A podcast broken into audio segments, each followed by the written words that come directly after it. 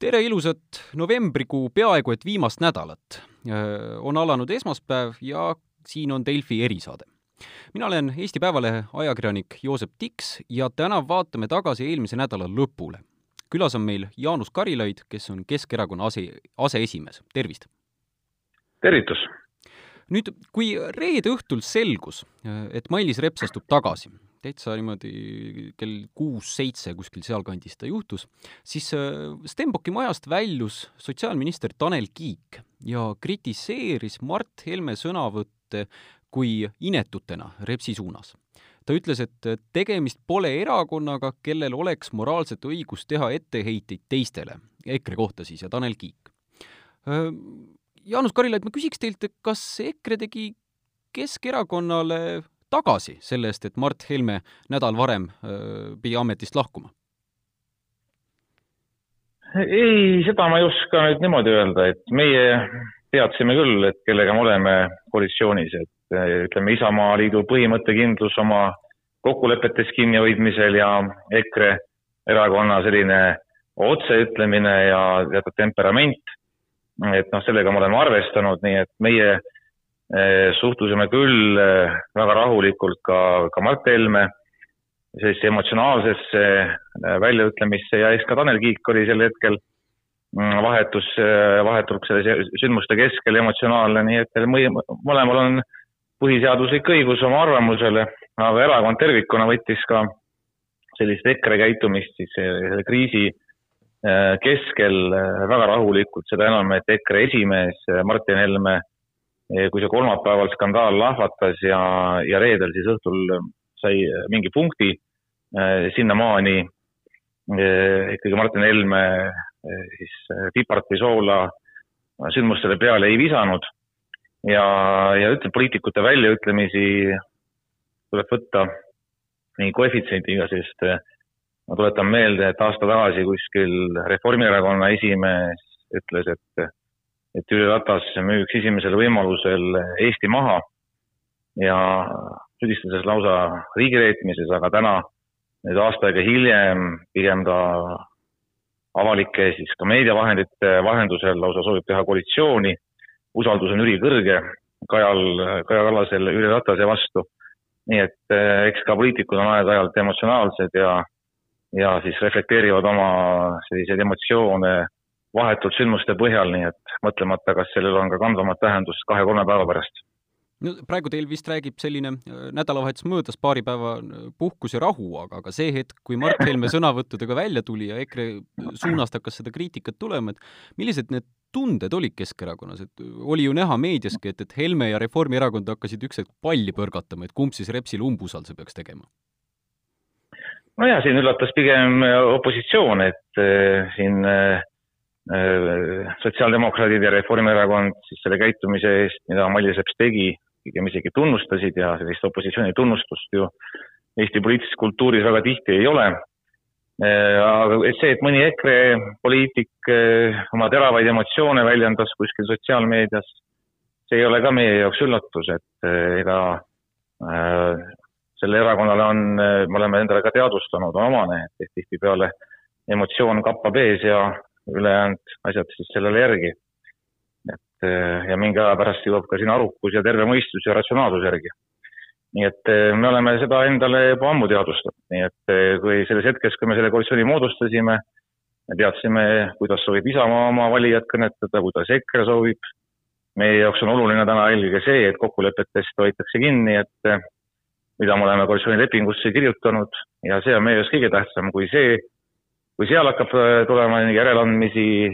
slikerdamist ja altvedamisi, siis on koalitsioon läbi alles, aga see, et, et mõned poliitikud tahavad äh, kasutada seda põhiseaduslikku õigust oma arvamust avaldada, mina ikkagi vaatan sellesse tõesti väga rahulikult. Ja kui me räägime demokraatia tervisest, mida ajakirjanikud ka siin aeg-ajalt ju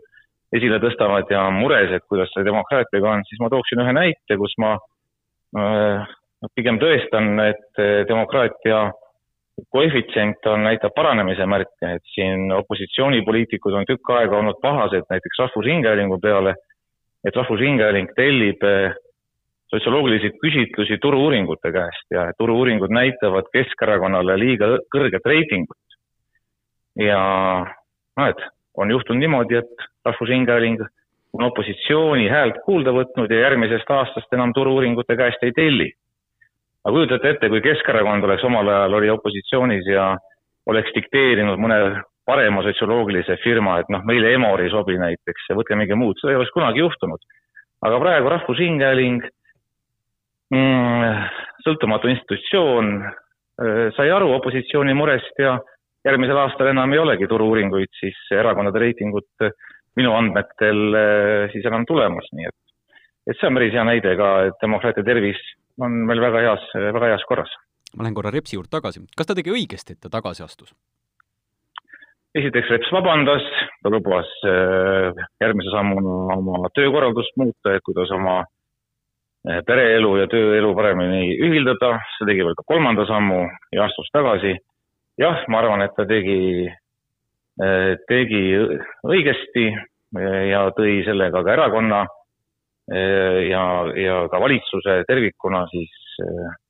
tule alt välja. nii et ta tegi riigimeheliku sammu. kuidas see otsus sündis, et kas see oligi seesama päev, kus Stenbockis kogunesid Kõlvart, Reps ja Keskerakonna ministrid või oli see juba varem õhus? ma arvan, see tema isiklik otsus, et nii palju, kui mina inimestega suhtlesin, siis pigem tundus, et see tagasiastumine võib jääda uude nädalasse. see, et ta tegi selle juba reedel, oli üllatus, positiivne üllatus. et näitas sellega eh, sellist kõrget poliitilist tunnetust ja, ja taipu, nii et see samm on tehtud ja eks nüüd vaatab edasi, kuidas me valitsuse komplekteerimisega edasi läheme no koalitsioonikaaslastelt ka kindlasti tuli mingisugust reaktsiooni, kui te näiteks parlamendis suhtlesite Isamaa ja EKRE omadega, et mis nemad sellest Repsi teemast arvasid või, või kas teil oli tunda, et seal on ka mingisugune soov koalitsioonikaaslastelt, et minister teeks midagi? ei olnud, seda, seda ei olnud, et see, see pinge nii-öelda koalitsiooni eh, sellises eh, koalitsiooni tippu küll ei jõudnud selliseid eh, diskussioone, et mingi keegi oleks ultimaatumeid esitanud või või, või väga tungivalt äh, oma arvamust peale surunud, et peab nii tegema, seda ei olnud. eks see oli pigem äh, äh, siis äh, Mailis Repsi äh, isiklik tunnetus, et äh, eks need lõputud päringud ja, ja eks see oleks hakanud äh, segama reaalset töö tegemist ja ka Haridusministeeriumi juhtimist, professionaalset tööd nii et eks ta neid sündmusi nägi ette kaks-kolm käiku ja ma arvan, et selles mõttes tegi ta selle otsuse täiesti iseseisvalt, et ei Isamaa ega EKRE siin küll ei saanud äh, määravaks ja nende poolt ei tulnud ka sellist äh, ultimatiivset või, või nõudlikku häält. kui siin nüüd tagantjärele natukene no kuidas nüüd öelda, kas mõelda või heietada, et kas see vaheetapp, kus äh, Keskerakond hakkas kritiseerima Õhtulehe ajakirjanike tööd äh, selle teema, Repsi teema kajastamisel, et kas see vaheetapp oleks võinud olemata jääda või te arvate, et see oli õige käik? noh, eks siin võib alati iga, igat konflikti võib tagantjärele ju mõõta veel täpsemalt, et äh, tagantjärele tarkus on täppisteadus ja ja, ja kindlasti mõnda võib-olla sellist äh, sõnumi edastamist või noh, alati võib tagantjärele natuke lihvida ja paremini teha, nii et aga see oleks ka väga, väga õiglane ega aus, sest ja olles ise, kui ise peaks olema kuskil konflikti epitsentris, siis hilja, kindlasti on ka hiljem niisuguseid näpuga näitajaid ja hästi sadu ja sadu kohtunikke, kes, kes aidaksid, et kuidas nemad oleksid käitunud sellise poliitilises kommunikatsioonis, nii et äh, summa summarum äh, oli kolme, kolme päevaga siis eh, kolmapäeval ala, alanud ja reedel lõppenud eh, selline skandaal sai ikkagi väga, väga, väga ilusa ja, ja selge punkti. oletame, et näiteks teie, Jaanus Karilaid, oleksite Õhtulehe ajakirjanik, et kas teie oleksite selle teema ajakirjanikuna kajastamata jätnud? Eh, kajastamata kindlasti mitte. eks see, kuidas administratiivressurssi kasutatakse, kui heaperemehelikult ümber käiakse, aga eks see meetod, meetod on, äh, meetod vajaks äh, kindlasti üle kontrollimist, kuidas seda tehti ja kui pika aja jooksul käidi filmimas ja kas äh, oleks saanud sama tulemuseni ka ilma siis lapsi pildistamata ja, ja video üles võttesse võtmata, nii et ma arvan, et siin võib-olla see küsimus on täna meetodis, mitte eesmärgis, et kui keegi tahab ära tõestada mm, mõne poliitiku siis käitumise, halva käitumise, siis selleks on olemas ka igati mõistlikke vahendeid ja on olemas päringuvormid ja saab alati küsida ja, ja võib-olla noh, ei pea tegema seda nii intensiivselt, nagu ma olen lugenud, siis see kestis peaaegu kuu aega. et teie videot poleks teinud, te oleks teinud päringu? Kõike saab ju, võimalusi on ju, saab päringuid teha, saab küsida, saab ka tegelikult, oli olemas ka ju allikas seal äh, autojuhi näol, kes oma näo ja nimega oli nõus kõike tunnistama, nii et neid võimalusi antud juhtum ära tõestada ilma lasteta oli kindlasti, oli kindlasti ka see võimalus olemas. hüppaks tagasi valitsuse juurde. kolm nädalat novembrikuus ja kolm ministrit on tagasi astunud, iga nädal üks minister kuidas see valitsuse tööd üldse võiks mõjutada või kui stabiilne äh, koalitsioon sellest on, kas nad on muutunud nüüd tugevamaks või on nad saanud tugevad löögid sellest? mina võtan jällegi seda positiivses käsitluses, et äh, eks opositsioonil on teine negatiivsem käsitlus, et äh, mina vaatan selle järgi, et me ei ole oma, kui viga tehakse, siis viga tunnistatakse ja astutakse samm tagasi on ka olnud Eesti poliitika ajaloos selliseid perioode, kus vigasid ei tunnistata ja hoitakse kümne küünega oma ministri portfellist kinni. meil on hääled koos, meid ei huvita meediakriitika, meil on viiskümmend viis häält purjetame edasi, nii et sellise kriitikavõimu olemasolu, oma vigade tunnistamine, vigade parandamine pigem näitab tegelikult valitsemise küpsust ja, ja töövõime pärast ma ei muretseks, meil on väga tugev ametnikkond, meil on tugev valitsusjuht ja, ja seal on ka piisavalt palju kogenud poliitikuid ja, ja samuti ka on äh,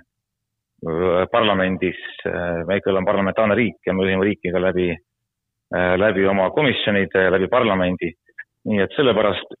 töövõime pärast ja töörütmi pärast mina ei, üldse ei muretseks Repsi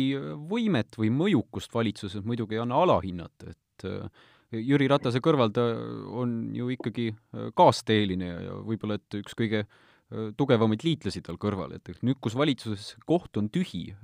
kui tugev on Keskerakond, noh, ütleme näiteks koalitsioonis erinevate küsimuste läbirääkimisel või, või oma asjade esindamisel? Mailis kahtlemata läbirääkijana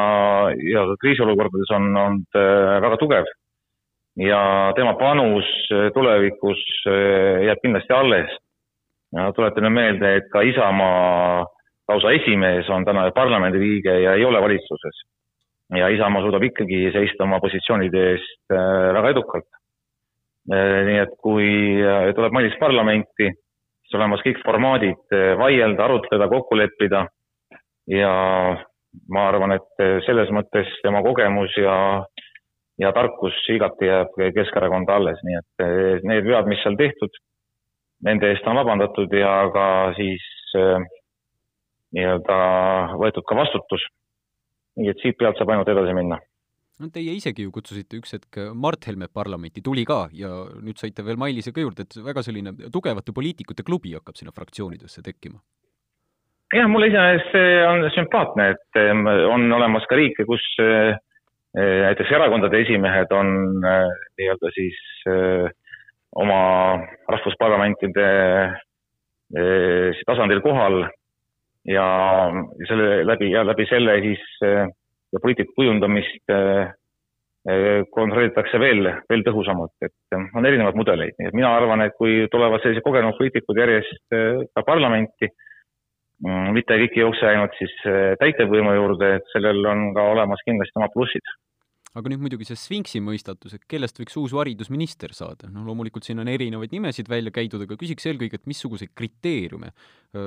ka erakonna mõttes peaks uus haridusminister täitma, et kas ta peaks olema pigem poliitik või spetsialist, kui kogenud ja nii edasi ja edasi? ma arvan, siin pädevus on esimene kriteerium, et ta peaks olema, vastama pädevuskriteeriumitele ja siis ta peaks olema ka poliitilist taipu, et poliitika on meeskonnatöö ja siin tuleb üksinda soolotsamisest ja iseenda tarkusest jääb, jääb väheks, et siin peab vaatama kogu tervikpilti. ma tean, et äh, peaministril on see nimi juba olemas, ta peab ka siin läbirääkimisi ja eks see täna, täna õhtul või homme hommikul tuleb see nimi ka välja, juhul kui vastav isik ka siis annab, annab oma nõusolekud ja ei pea siis võtma plaan B välja. nii et see on, see on kohe, kohe on konkreetne ettepanek ja lahendus ka laua peal, nii et väga põnev, kes see uus isik on, seda te vist ei ütle? jah, see ei oleks ilus jah, see oleks äh, ikkagi peaministri privileeg, on see välja käia, et äh, me oleme ka